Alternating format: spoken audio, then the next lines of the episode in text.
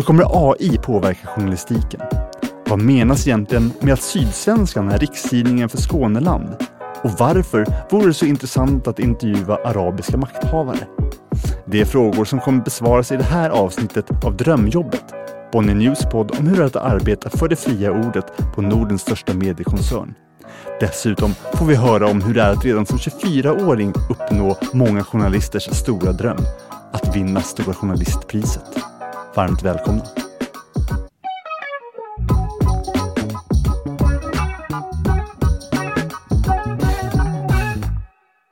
Med mig idag har jag Inas Hamdan, journalist på Sydsvenskan och vinnare av Stora Journalistpriset 2023. Hej! Hallå, hallå! Du Inas, jag tänkte att vi skulle börja med att lyssna på hur det lät där på kvällen den 16 november. Visst. Och vinnaren är Inas Hamdan för bilden av Sverige i Al Jazeera.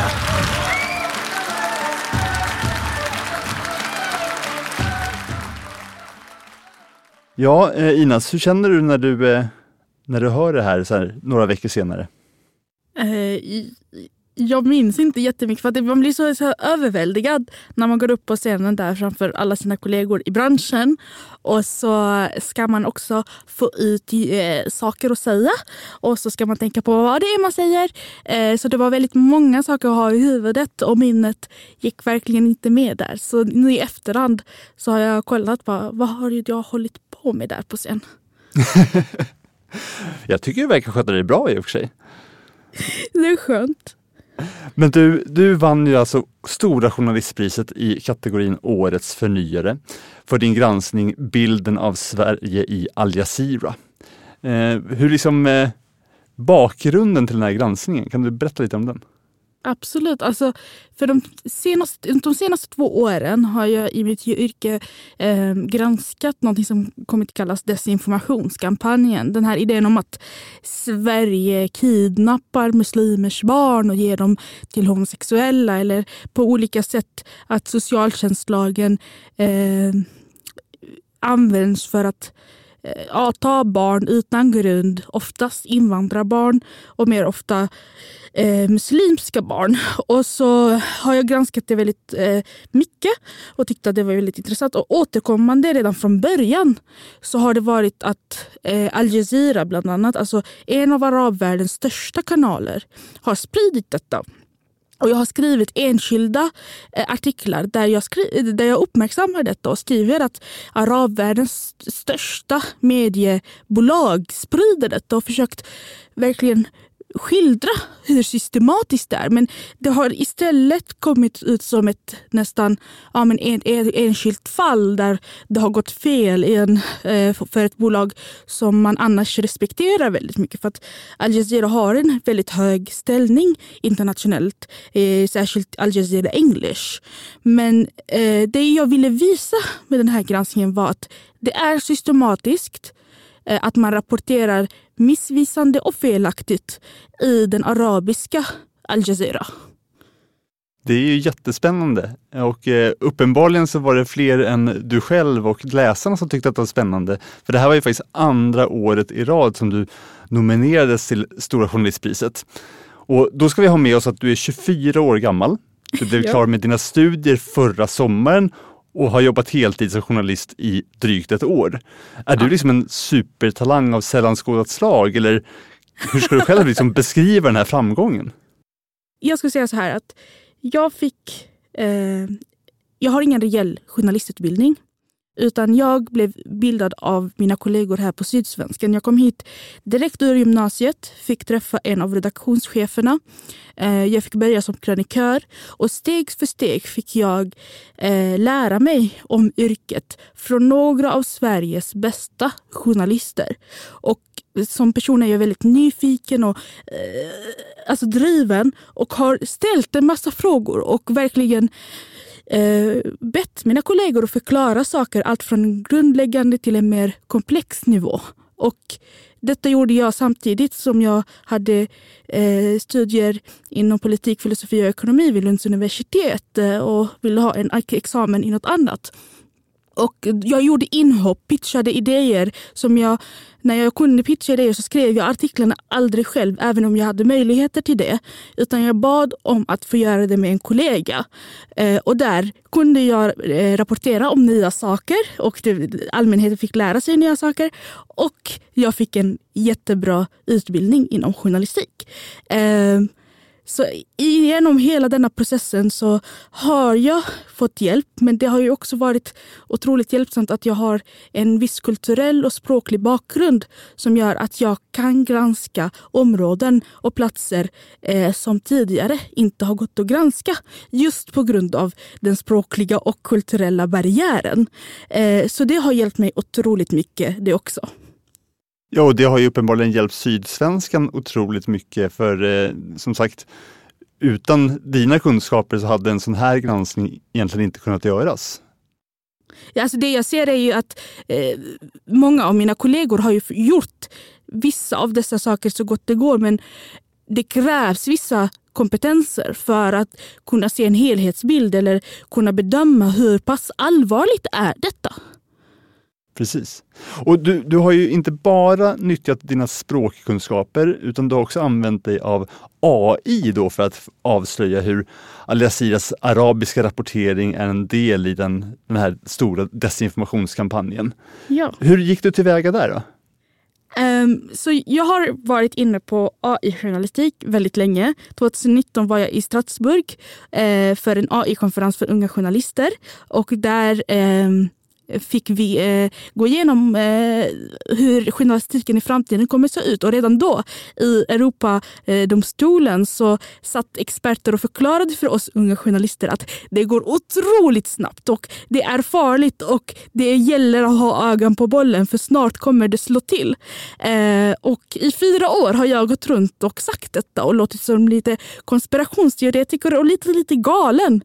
Men sen eh, när ChatGPT lanserades i början av detta året, 2023, så eh, började fler ögon öppnas upp för möjligheterna och utmaningarna som kommer med AI. Och jag har alltid varit väldigt noga med att vi måste kunna AI. Vi journalister måste kunna AI snabbare, om inte, om i alla fall inte lika snabbt som eh, eh politiker eh, och makthavare generellt. För att det är en ny del som kommer vara en del av vår eh, grej som kommer vara en del av vår vardag och det är viktigt för oss att vi håller koll på det. Så när jag fick möjligheten under sommaren att experimentera lite mer djupgående med AI så tog jag den chansen och eh, därifrån så började jag använda detta för den här granskningen.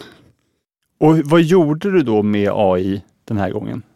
Så det jag gjorde var att jag tog hjälp av AI för att sammanfatta stor mängd material från arabiska till eh, nyckelord på engelska.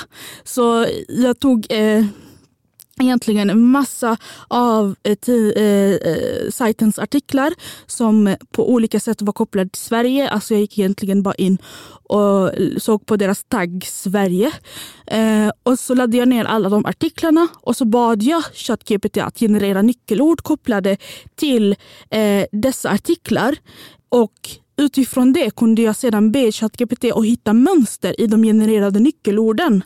Så det var egentligen en automatisering eller eh, effektivisering av något som eh, ja, men generellt har kallats en eh, en analys bara, eller alltså så, som man kan göra själv. Eh, men som jag bad ChatGPT att effektivisera. Hur mycket tid tror du att du sparade på det här? Alltså, av 100, jag gjorde 100 artiklar, jag läste, eh, eller granskade 100 artiklar. Och att läsa dem på arabiska, eh, sedan sammanfatta nyckelord och sen analysera nyckelorden, det tog mig en halv dag. Och det tycker jag är rätt så effektivt, särskilt på arabiska. Så jag är nöjd. Jag vet inte exakt hur lång tid det skulle tagit annars, men det skulle varit betydligt tråkigare också. Det hade varit jättetråkigt och tagit jättelång tid, det är jag övertygad om. Eh, så det är fantastiskt att man kan nyttja tekniken till sådant. Och som du är inne på så pratas ju mycket om AI och inom Bonnier News så är vi precis som alla andra bolag väldigt liksom, involverade och granskande och utforskande för hur AI ska kunna påverka vår verksamhet och hur vi ska kunna dra nytta av den här eh, liksom tekniken. Men eh, du som nu har liksom varit och nosat på det här i fyra år säger du och nu har fått börja jobba med det ordentligt. Hur tror du att AI kommer påverka journalistiken framöver? I alla fall kort framöver Eh, så tror jag att det kommer vara positivt om vi vet hur vi ska använda det. Alltså, jag tror att det kommer effektivisera vårt arbete och göra att vi kan ge mer nytta till våra läsare. Särskilt i en tid då eh, berättelser, nyheter inte längre behålls inom en viss kommungräns, landsgräns eller ens kontinentgräns. Utan det är saker som sprids snabbt över hela världen. Något som händer på andra sidan jorden har en direkt påverkan på Malmö kommun till exempel. Det är då jätteviktigt för oss att vi använder nya metoder för att komma ikapp den här eh, teknologiska utvecklingen. Så jag tror att om vi som journalister håller ett öga på bollen och fortsätter försöka, fortsätter ha en diskussion om hur vi kan gå tillväga med dessa nya teknologiska utvecklingar så kommer vi kunna göra väldigt bra saker. Särskilt eh, vad gäller eh, att vi utgår ju från vissa etiska grunder som gör så att vi kan också forma vägen som AI används framöver. Så det är stora möjligheter kan man väl konstatera i alla fall? Ja, exakt. Eh, men det, också, det, finns ju också risker med allt detta. Särskilt med alltså, lagstiftningar och hur länder använder det. Och sen finns det en väldigt stor oro bland experter. Alltså när det kommer till AI eh, och när experter pratar om utvecklingen inom AI så är det en oro kring eh, vad det kan resultera till. Alltså det, vi är i en form av kapprustning där det landet eller den delen av världen som först kan bygga en enormt stark AI kommer ha en enorm styrka och framgång. Och alla länder försöker uppnå det. Så det är, det är läskigt om man tittar på det. Men vi måste också lugna oss under detta tror jag och bara ta det steg för steg. Och sen också samtidigt ha det i baktanken att det här är något som vi kommer behöva hantera långt framöver. Så man kan väl säga att AI är vår generations rymdkapplöpning? Absolut. Alltså, experter beskriver detta som en, en lika stor eh, revolution som först internet, sen iPhone och nu AI. Så det här är någonting som kommer förändra hela samhället. Men sen så är det också eh, någonting som kommer användas militärt. Vi ser redan att det används i krigsföring, eh, det kommer användas i lagstiftning, det kommer användas i många delar av samhället och det kommer användas i, i försäljning och affärer och eh, olika andra eh, syften. Och eh, förstår vi inte oss på teknologin så finns det en risk för att vi inte kan göra de granskningar som behövs. Precis. Men du, när vi ändå är inne på liksom arbetssätt eh, så tänkte jag att du skulle få några sådana här antingen eller-frågor om hur du helst jobbar. Och då kanske vi går tillbaka lite mer till grunderna. Nu är det liksom mm. inte digitalt AI utan nu är det analogt. Yes. Så eh, telefonintervju eller fysisk intervju?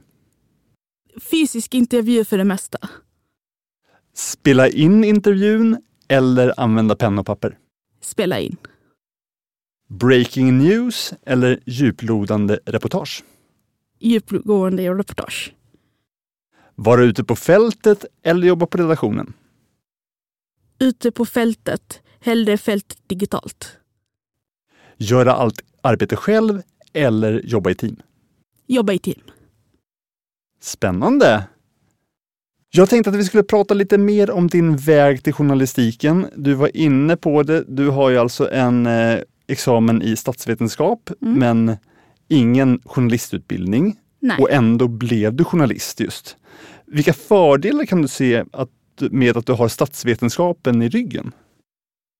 När jag, jag visste rätt så tidigt att jag ville bli journalist. Första gången jag kom in på redaktionen var jag 18. Eh, då var det på ett studiebesök men då frågade jag faktiskt en av journalisterna här som idag är min kollega. Vad skulle du tipsa en ung person som tänker på att bli journalist. Och då sa han till mig att jag skulle studera något annat än journalistik. För skrivande lär man sig överallt. Och det var med den tanken som jag tog också eh, det, det, det programmet jag sedan valde.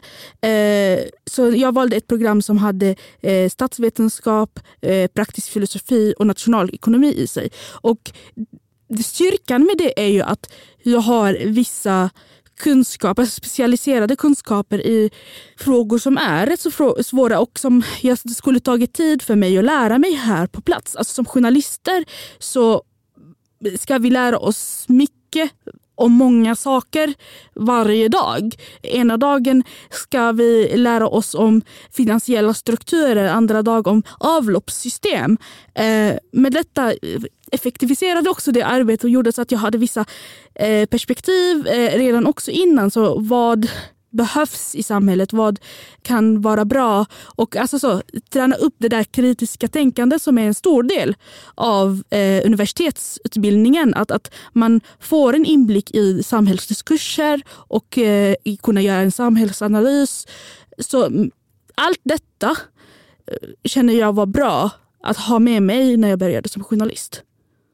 Kan du känna att det är någonting som du ändå saknar som du antagligen hade fått på en journalistutbildning? Absolut. Eh, olika delar, till exempel hur man begär ut eh, offentliga handlingar. Eller det här eh, riktiga fotarbetet som har blivit en del av vissa journalisters DNA. Om hur man eh, samtalar med myndigheter och politiker. Eh, det finns en, en skolning som jag har eh, skippat och jag märker att det finns kunskapsluckor ibland. Det som är otroligt bra är ju att man har kollegor och jag lyssnar alltid på mina kollegor hur de gör och lär mig varje gång. Eh, så ja, det, det finns saker som jag skulle kunnat haft med mig in på jobbet men jag valde andra saker helt enkelt. Vad skulle du säga är det absolut roligaste med att vara journalist? Och att kunna ta upp telefonen och ringa vem som helst och typ ofta så svarar de på vad man än har för galen fråga. Det är så himla roligt för att annars så, alltså man vågar ju knappt vända sig till en person på kön på ICA och så ställa en fråga. Men är man i journalistrollen så eh, vem bryr sig? Jag bara tar upp telefonen och ringer vem som helst. Det är ju häftigt. Ja, jättekult. Men eh, journalistyrket består ju av flera olika delar. Eh, vilken skulle du säga ger dig mest? Är det liksom själva skrivandet, är det researchandet eller är det själva intervjuandet? Alltså en del av det är ju när man får ut saker. Alltså när man verkligen känner att oh, men det här får en utveckling. Men för mig så det, det bästa är ju att träffa människor. Uh, när man är ute får höra om människoöden, man får höra om olika saker människor har gått igenom, olika tankar och att eh, de litar på en, att man kan eh, skildra sina, deras erfarenheter. Det är ju ett enormt privilegium som väldigt få människor kan njuta av. Så att, att, att verkligen få träffa så många människor, det är det absolut bästa. Finns det någon person som du drömmer om att få intervjua? Jag tror att det skulle varit otroligt spännande att intervjua arabiska makthavare. Speciellt för att en av de grejerna är att de har, deras beslut har påverkan på många som bor i Sverige idag. Och de undankommer väldigt, väldigt ofta journalistiska kritiska frågor. Så det skulle vara coolt att sätta dem till svars och diskutera med dem och prata med dem och visa hur journalistiken kan se ut i ett fritt land. Du, Bonnier News Local är ju Sveriges största lokaltidningskoncern med omkring mm. 50 olika lokala varumärken. Och du jobbar på ett av de här, eh, nämligen Sydsvenskan i Malmö. Och det är ju en tidning som både kan beskrivas som en stor lokaltidning eller som en lite mindre rikstidning. Hur mm. skulle mm. du själv beskriva Sydsvenskan? Ja, men det är rikstidningen för Skåneland. Utveckla. Nej, men om man... Vi i Skåne gillar ju att tänka lite så här. Eh, vi är vår eget lilla. Eh, vi tillhör ibland Danmark och ibland tillhör vi Sverige. Och så tänker man så, så kan man tänka att eh, Sydsvenskan täcker saker som är för oss här borta. Eh, men också saker som är viktiga för... Eh, alltså så, jag, jag, skulle säga att mycket av det vi producerar är väldigt bra på riksnivå men vi glömmer inte lokalnivån. Eh, så vi kan ha tongivande intervjuer med alltså så, eh, makthavare. Vi kan göra granskningar som har en inverkan i, nationellt och ibland internationellt. Eh, men vi granskar också kommuner i Skåne. Vi ser till att eh, eh berätta vad som pågår i eh, Malmö och eh, ser till också att eh, vi lyssnar på lokalbefolkningen. Så ja, det, det är lite svårt att verkligen bara sätta fast i ett men vi, vi, vi hoppar lite fram och tillbaka helt enkelt. Mm. Men eh, att jobba på en lokaltidning är ju superviktigt. Eh, mm. För det är ju det ni bevakar, det är ju ofta då eh, liksom, kommunernas arbete kring skolor och mm. äldreomsorg och sånt som påverkar folks vardag. Va varför skulle du säga att lokaljournalistiken är så viktig? För att det är oftast besluten som tas lokalt som har en inverkan på människors liv.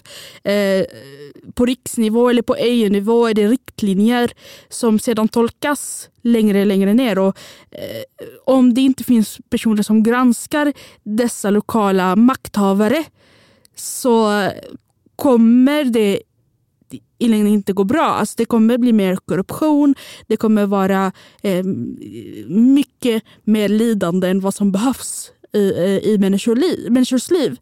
Så eh, att, att faktiskt göra saker på lokal nivå är en av de viktigaste sakerna att faktiskt granska. Eh, det kommer också ha en direkt påverkan på hur saker funkar.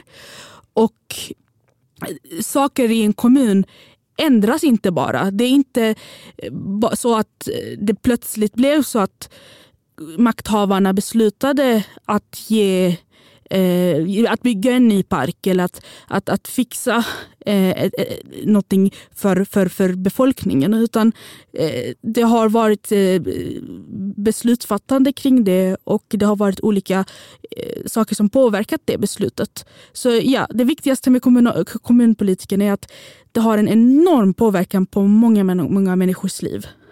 Mm. Men du, eh, på Bonnier News så är ju det fria ordet grunden i allt vi gör. Och alla vi som jobbar här bidrar ju med våra perspektiv till det fria ordet. Hur, eh, hur skulle du beskriva det fria ordet för dig? Det fria ordet för mig är avsaknad av bekvämlighet. Att man hela tiden eh, sätter sig i positioner som är jobbiga och det är i syfte av att utvecklas. Det fria ordet för mig är också det som finns när våldet upphör. Jag vet att det är bara genom dialog och samtal som vi kan komma fram. Och sekunden det försvinner så kommer också våldet ersätta. Så det är grunden till demokrati. Det är grunden till utveckling. Och eh, det är också otroligt jobbigt. Hur menar du att det är jobbigt? För att vi kommer behöva hantera nya problem. Alltså, så vi, vi sopar inte saker under mattan när vi har det fria ordet. Vi kommer få höra människors åsikter. Det kommer vara intensiva debatter. Det kommer vara eh, saker som går fel till och alla kommer få höra talas om det. Och vi kommer eh, hela tiden behöva utvecklas och vara aktiva i det som händer. Istället bara för att låta makten åt eh, några få som får säga vad de vill. Så eh, det är ju en utmaning eh, det här med demokrati och frihet och yttrandefrihet som vi varje dag behöver hantera det, det, någonting jag gillar att säga är att alltså, demokrati är ju det sämsta eh, styrelseskicket efter alla andra. så, så kan man ju också se det, absolut. Men du Inas, stort tack för ett väldigt, väldigt spännande samtal. Tack. Det är bara att konstatera att du är en stor förespråkare för det fria ordet och det verkar verkligen som att du tycker att journalistyrket är ett drömjobb. Absolut. Tack också till dig som har lyssnat. Har du missat något tidigare avsnitt av Drömjobbet så kan du lyssna på dem via vår hemsida bonnynews.se eller hitta dem där poddar finns. Är du intresserad av att arbeta för att föra det fria ordet framåt på Nordens största mediekoncern? Ja, men då kan du också spana in i våra lediga jobb på bonnynews.se karriär. Stort tack för att du har lyssnat.